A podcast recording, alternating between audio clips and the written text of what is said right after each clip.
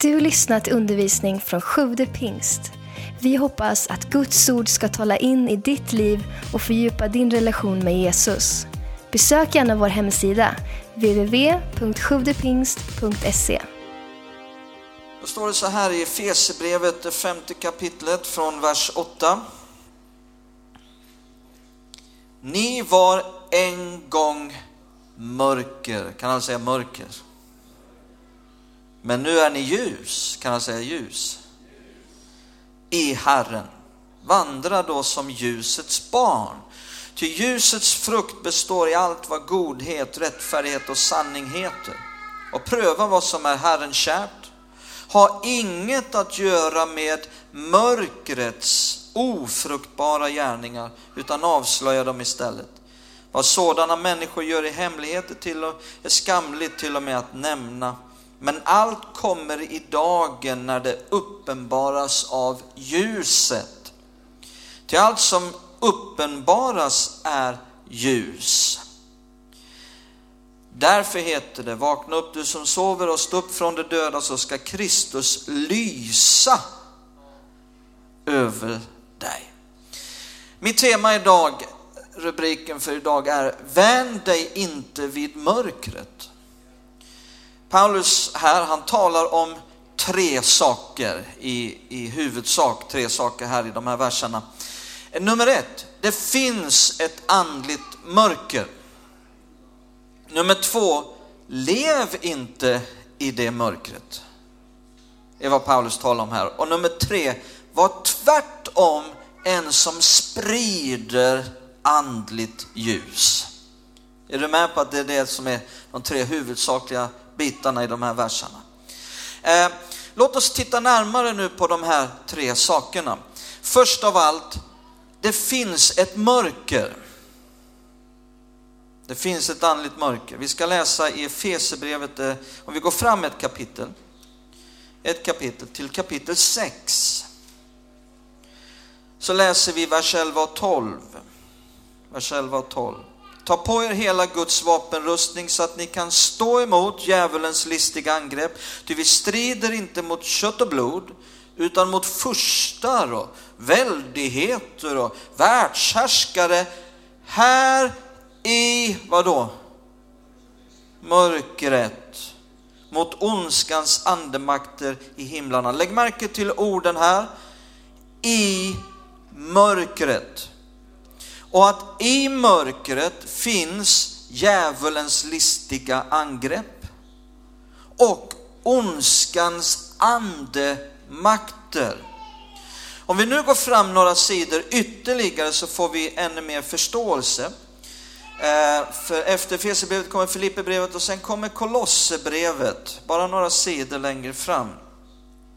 Och då ser vi Kolosserbrevet kapitel 1. Kolosserbrevet 1, vers 13 och 14. Han har frälst oss från, vad då? Hallå? Från vad? Mörkrets välde. Är du glad för det? Det är något väldigt specifikt han har frälst oss från. Mörkrets välde. Och fört oss in i sin älskade sons rike. Titta nu, i honom är vi friköpta och har fått förlåtelse för våra synder. Frälsningen handlar alltså om att bli friköpt och förlåten alla våra synder. Och därigenom då räddas från mörkrets välde. Om vi går fram ett kapitel till så får vi ännu mer förståelse. Titta nu i Kolosserbrevet, hur kunde detta ske? Denna friköpelse, denna förlåtelse, denna räddning från mörkrets välde. Och titta nu i kapitel 2, vers 13 till 15. Ni som var döda, inte fysiskt utan andligt döda, på grund av era överträdelser och er oomskurna natur, också er har han gjort levande med Kristus. Han har förlåtit. Förlåtit, står det. Eh, alla överträdelser och strukit ut det skuldebrev som med sina krav vittnade mot oss. Det har han tagit bort genom att spika fast det på korset. Ser ni det? Han har klätt av väldena och makterna som vi läste om tidigare, ondskans andemakter. De har han klätt av och förevisat dem offentligt när han på korset triumferade över dem. Så friköpelsen kunde alltså ske genom en betalning. Köpte fri genom en betalning. Jesus betalade med sitt blod och med sin död. När han på korset blev gjord till vår synd och straffades i vårt ställe. Därmed har ondskans andemakter, om det här mörkrets välde, ingen rätt till våra liv. Vi går fria, förklarar Bibeln här. Men den som nu inte har tagit emot detta, som har sagt nej till detta, är kvar i mörkrets välde. En sån människa kanske inte förstår hur djupt det andliga mörkret är som man faktiskt befinner sig i. Så länge man är i den här kroppen så är man på något vis i kontakt med ljuset i den här världen som Gud har skapat. Men när människan dör i detta tillstånd och människans egen ande lämnar kroppen så kliver den rakt ut i ett kompakt mörker och verkligheten av det andliga mörkret blir plötsligt en brutal verklighet Det är vad Bibeln undervisar. I Bibeln så ser vi bland annat två manifestationer utav detta mörker. En sån eh, manifestation var för 3500 år sedan nere i Egypten. När Mose och Israels folk var slavar under faraos välde. Och farao han vägrade att släppa dem. Och då kom det tio straffdomar över Egypten. Känner ni till det? Och en sån dom var ett kompakt mörker över hela Egyptens land så man kunde inte ens se handen framför ansiktet. En annan sån manifestation av detta andliga mörker, det var när Jesus gav sitt liv på korset när han tog all mänsklighetens synd, när all mänsklighetens synd koncentrerades till en plats, till en människa, till ett hjärta. Och då var det ett sånt kompakt andligt mörker så det till och med blev en manifestation i det fysiska och jorden, eh, nej, säga, solens strålar kunde inte tränga igenom utan hela Jerusalem blev höljd i ett mörker under några timmar.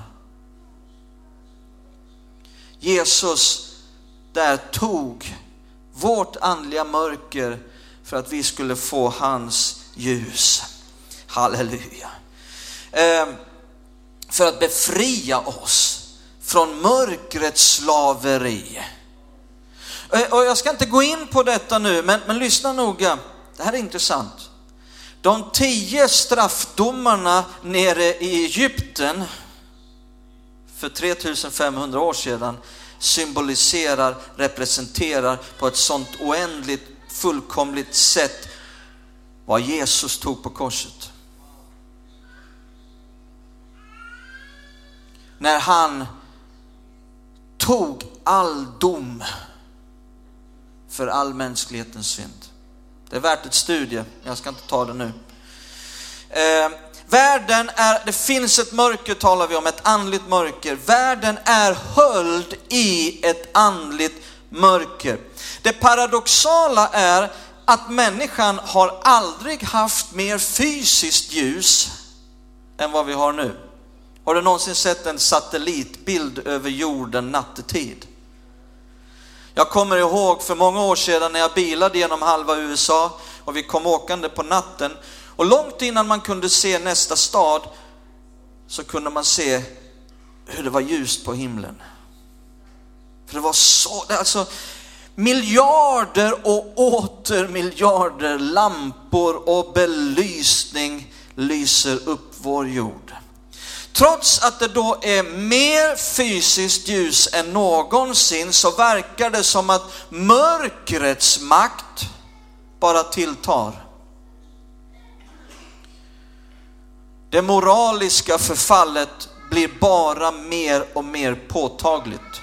Statistik över misär, övergrepp, misshandel, människors fruktansvärda illdåd bara ökar. Uh, men, det är bara att läsa nyheterna. Vilken nyhetsrapportering som helst, tidningar på tv. Det bara fyller detta. Mörkrets gärningar som Paulus talade om. Det finns ett andligt mörker. Nästa punkt. Eh, lev inte i det mörkret. Såg vi de inledande verserna. Eller, låt mig fraserade på det här sättet. Risken att vänjas vid mörkret. Titta vad Jesus säger i Lukas evangelium kapitel 11. Lukas 11. Risken att vänjas vid mörkret. Lukas 11, 33 till 35. Lukas 11, 33 till 35 står det, ingen tänder ett ljus och ställer det på en undangömd plats. Jesus säger, eller under skeppan, utan man sätter det på ljushållaren så att det som kommer in ser skenet. Ditt öga är kroppens lykta, när ditt öga är friskt får också hela din kropp ljus, men när det är sjukt ligger också din kropp i mörker. Titta nu vers 35, det är det jag vill komma till. Se därför till! Det är det vi gör den här förmiddagen. Vi får en chans att se till. Se därför till. När Jesus säger se därför till, då behöver vi lyssna. Se därför till, säger Jesus. Det är allvar. Se därför till att ljuset i dig inte är mörker. Vad handlar det om? Ja, bra att du ställer frågan, kommer strax till det. Matteus 6. Titta här. Jesus säger någonting liknande här i Matteus 6. Um, Matteus 6 och 23.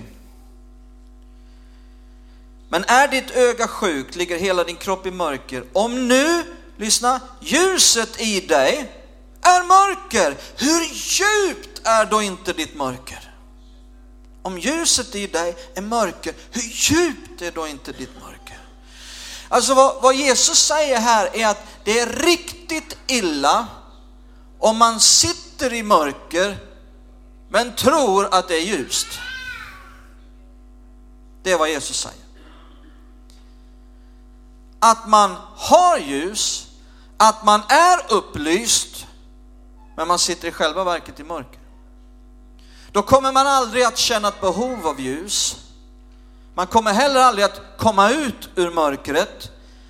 Eh, och det här kan hända om man vänjer sig vid mörkret.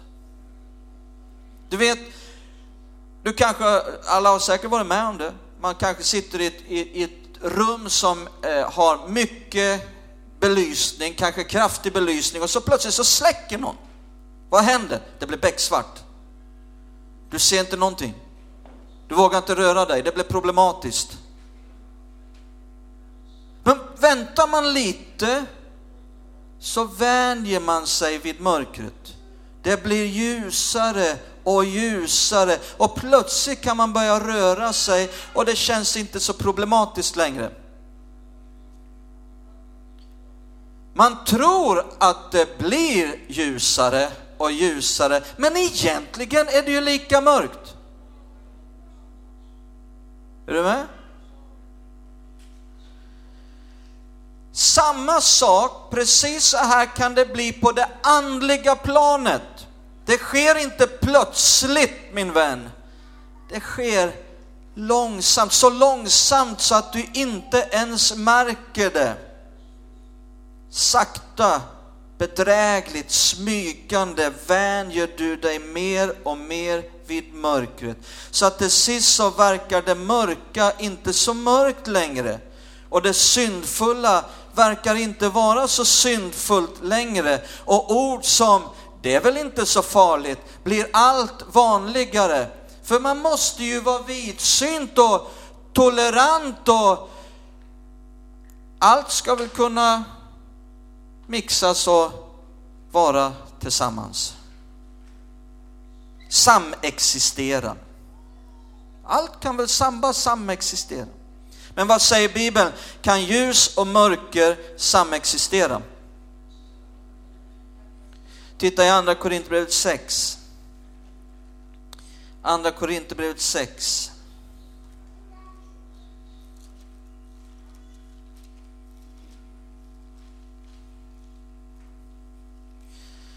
Andra Korinthierbrevet 6, vers 14 och 15. Vers 14 och 15. Paulus säger, gå inte som omaka par i ok. Lägg märke till ordet ok. Med dem som inte tror. Vad har väl rättfärdighet med orättfärdighet att göra? Eller vad har ljus gemensamt med mörker?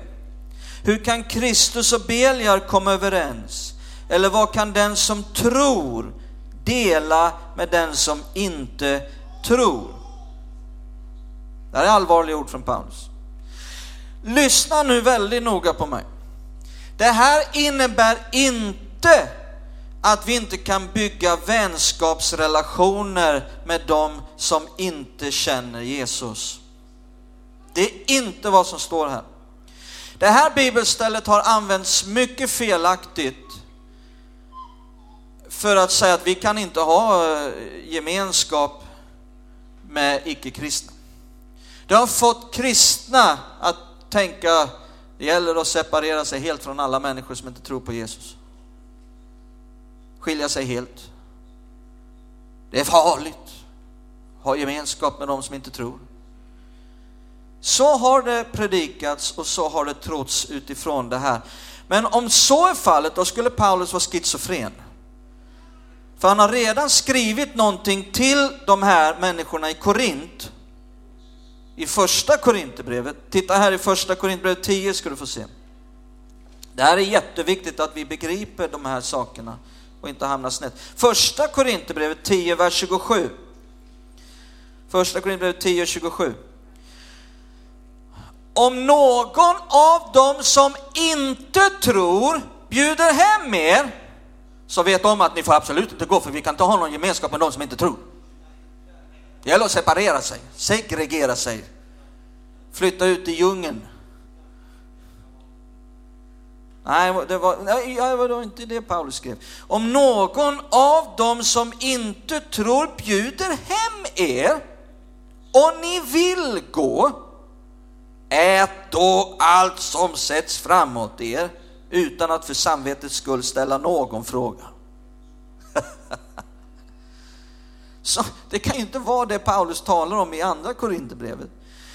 Så bibelstället om att mörk, mörker och ljus inte kan ha gemenskap, det handlar om att inte hamna i ok. Kommer du ihåg det ordet? Ok.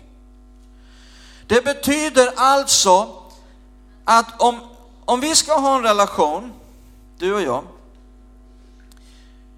eh, att inte hamna där, där jag måste nu kompromissa. Där jag måste blanda ljus och mörker i mitt eget liv. Där jag måste tona ner ljuset i mitt eget liv och, och anpassa mig efter mörker. Är ni med? Det är det Paulus talar om. Nej, vad många kristna behöver lära sig är hur man umgås med dem som inte tror. Och det kan man faktiskt göra hela vägen utan att kompromissa med sina egna värderingar. Det går hur bra som helst. Jesus var syndares vän. Inte syndares vän, utan syndares vän. Frågan är om vi är det. Har vi någon syndare? någon som inte känner Jesus? Som vi säger, det här är min vän. Eller som säger om oss, han är min vän. Har vi kommit så långt i relationen, då är det väldigt bra. Vi behöver bli bra på det. Eh, eh, därför att statistiken visar väldigt tydligt att de allra flesta som blir kristna gör det för att man redan har en långt gången relation med någon som är kristen. Så vi behöver faktiskt bli bra på att bygga äkta, sanna, odla vänskapsrelationer med dem utanför kyrkan och därmed ta chansen att sprida ljus. Vad är det för någon mening om vi flyttar ut i granskogen och sprider ljus? Det är där människor lever i mörker där vi behöver vara. Komma nära, visa att vi bryr oss. Bli vän. Där de känner att jag är inte bara är ett objekt för frälsning för den där, utan han, det är min vän. Om jag så aldrig blir frälst så kommer han bara fortsätta vara min vän. Då, det är dit vi behöver komma. Då får vi chans att också sprida vårt ljus. Och det kunde Jesus mer än någon annan. Så min sista punkt, chansen att sprida ljuset. För det hjälper ju inte att bara sitta och beklaga sig över att det är så mörkt. Det finns väl ingen vettig människa här som kommer hem sent om kvällen en vinterkväll och kliver in i huset och lägenheten och bara står där mitt på hallgolvet och Usch vad mörkt det är här. Usch vad jobbigt. Man, man, tänder, man, man tänder ljuset. Det finns ingen mening att sitta och, och, och liksom ta, bli helt deppig över att det är mörkt i världen. Surprise! Det är mörkt i världen. För en del kristna de, de liksom talar ner sig själva i skoskaften. Blir så deprimerade. Åh, vad mörkt det är. Ibland när man pratar med pastorer, jag åker runt i, i, Sverige och runt i världen. Vissa pastorer är helt övertygade om att de lever på den mörkaste platsen på jorden. Man kommer dit och talar om det första de talar om det. Du måste förstå, här är det svårt. Just här. Okej, okay, jag har hört det hundra gånger på hundra andra platser. Så det kan ju knappast vara sant. Ja, det är så mörkt, det är så svårt. Ja, men tänd ljuset. Slå på ljuset. Ja, hur då? Hur ska vi göra det? Ja, först av allt så behöver vi leva liv där vi fylls av ljus istället för att leva liv där vi bara vänjer oss vid mörkret. Det är en väldigt enkel sanning. Världen behöver ljus. Och vi har en stor chans att sprida ljus. Titta här Johannes 1.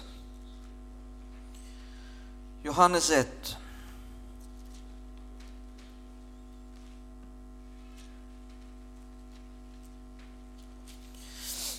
Vi läser från vers 1. Tugga på de här orden riktigt ordentligt nu. Vi läser långsamt. I begynnelsen var ordet. Och ordet var hos Gud och ordet var Gud. Han var, så ordet är en han. Han var i begynnelsen hos Gud. Genom honom, denne man, har allt blivit till och utan honom har inget blivit till som är till. I honom var liv och livet var människornas vadå? Ljus. Och ljuset lyser i mörkret och mörkret har inte övervunnit det. En man trädde fram, sänd av Gud, hans namn var Johannes. Han kom som ett vittne för att vittna om ljuset, för att alla skulle komma till tro genom honom. Själv var han inte ljuset. Men han kom för att vittna om ljuset. Det sanna ljuset. När du har vänt dig vid mörker, vant dig vid mörker och tror att det, det har blivit ljusare, det är inte sant ljus. Vi talar om det sanna ljuset som ger ljus åt alla människor skulle nu komma till världen. Och titta nu vers 14. Och ordet blev kött och bodde bland oss och vi såg hans härlighet, en härlighet som den enfödde har av Fadern. Och han var full av nåd. Vad var han full av? Nåd och sanning. I begynnelsen var ordet, står det. Vad då för ett ord? Ja, vad sa Gud i begynnelsen, det första? Han sa, var det ljus? Och det blev ljus. Och det ljuset fanns långt innan, eller i alla fall innan solen skapades. Så det var inte solljuset vi pratade om, det är Guds eget ljus. Sen kom solen. Detta ljus, ordet, var det ljus, blev kött, tog sin boning bland oss. För att det skulle skingra allt mörker för människor. Låt mig säga då, det finns inget sant ljus. Det finns inget sant andligt ljus utan Jesus.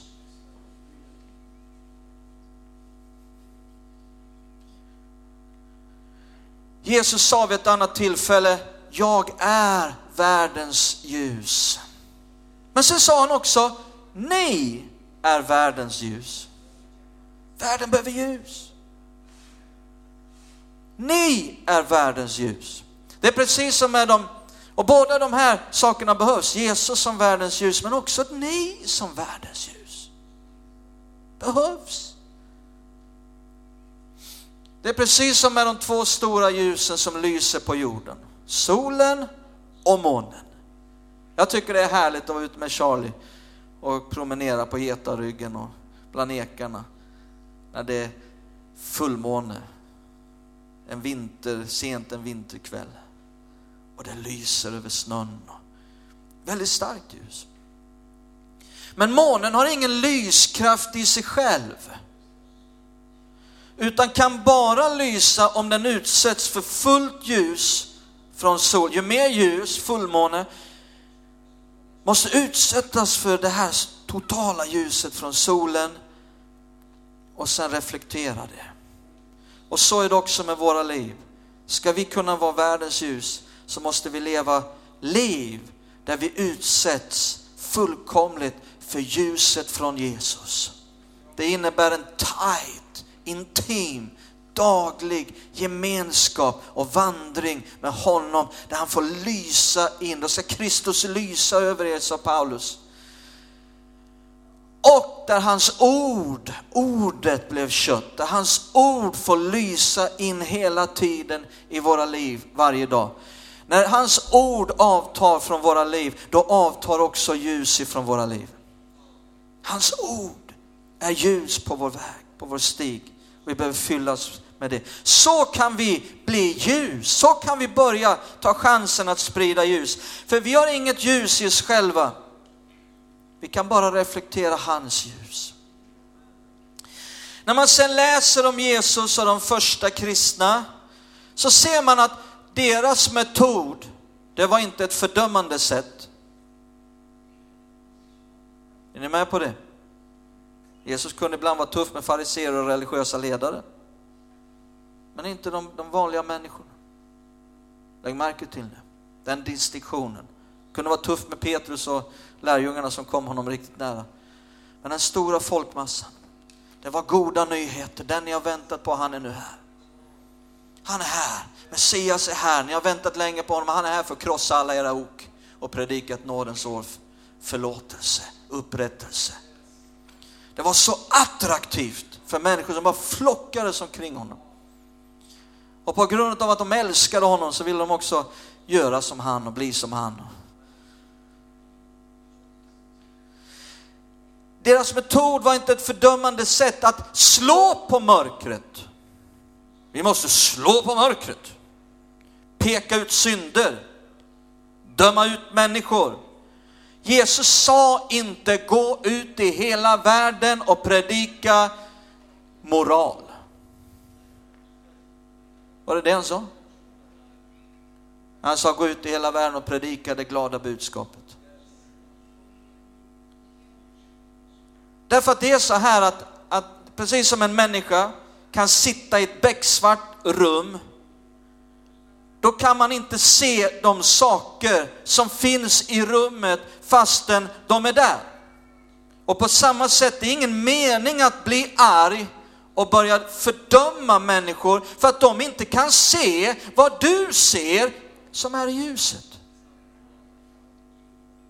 Och därför när Paulus, till exempel aposteln Paulus som vi läste om här, när han kom in på nya platser till nya människor så kom han aldrig in på ett moraliserande sätt. Han kom inte in med en demonstration mot något. Krossa avgudastatyerna! Ner med avguden Diana! Nej, han kom in med en kraftig demonstration av Guds nåd och en förkunnelse av goda nyheter om en Gud full av nåd. Det var det han kom in med. Så två saker, vi summerar. Två saker behövs för att vi ska kunna ta chansen att lysa i den här världen. Vi behöver först leva liv fyllda av ljus. Det vill säga godhet, kärlek, övervinna det onda, inte med att slå på det onda, utan med det goda. Så att man kan se kontrasten. Där vi lever liv fyllda av kärlek, godhet, där vi visar att vi bryr oss. Tillsammans med en livsstil som behagar Gud. Men jag tror inte att det räcker, för jag tror inte på en tyst evangelisation. Utan jag tror att utifrån en sådan plattform så tror jag att vi kan få tillfälle att också dela evangeliet.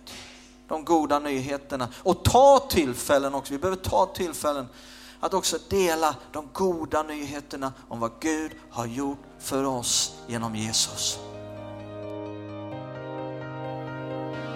Tack för att du lyssnat. Glöm inte att du alltid är välkommen till vår kyrka. Du hittar mer info på www.sjuvdepingst.se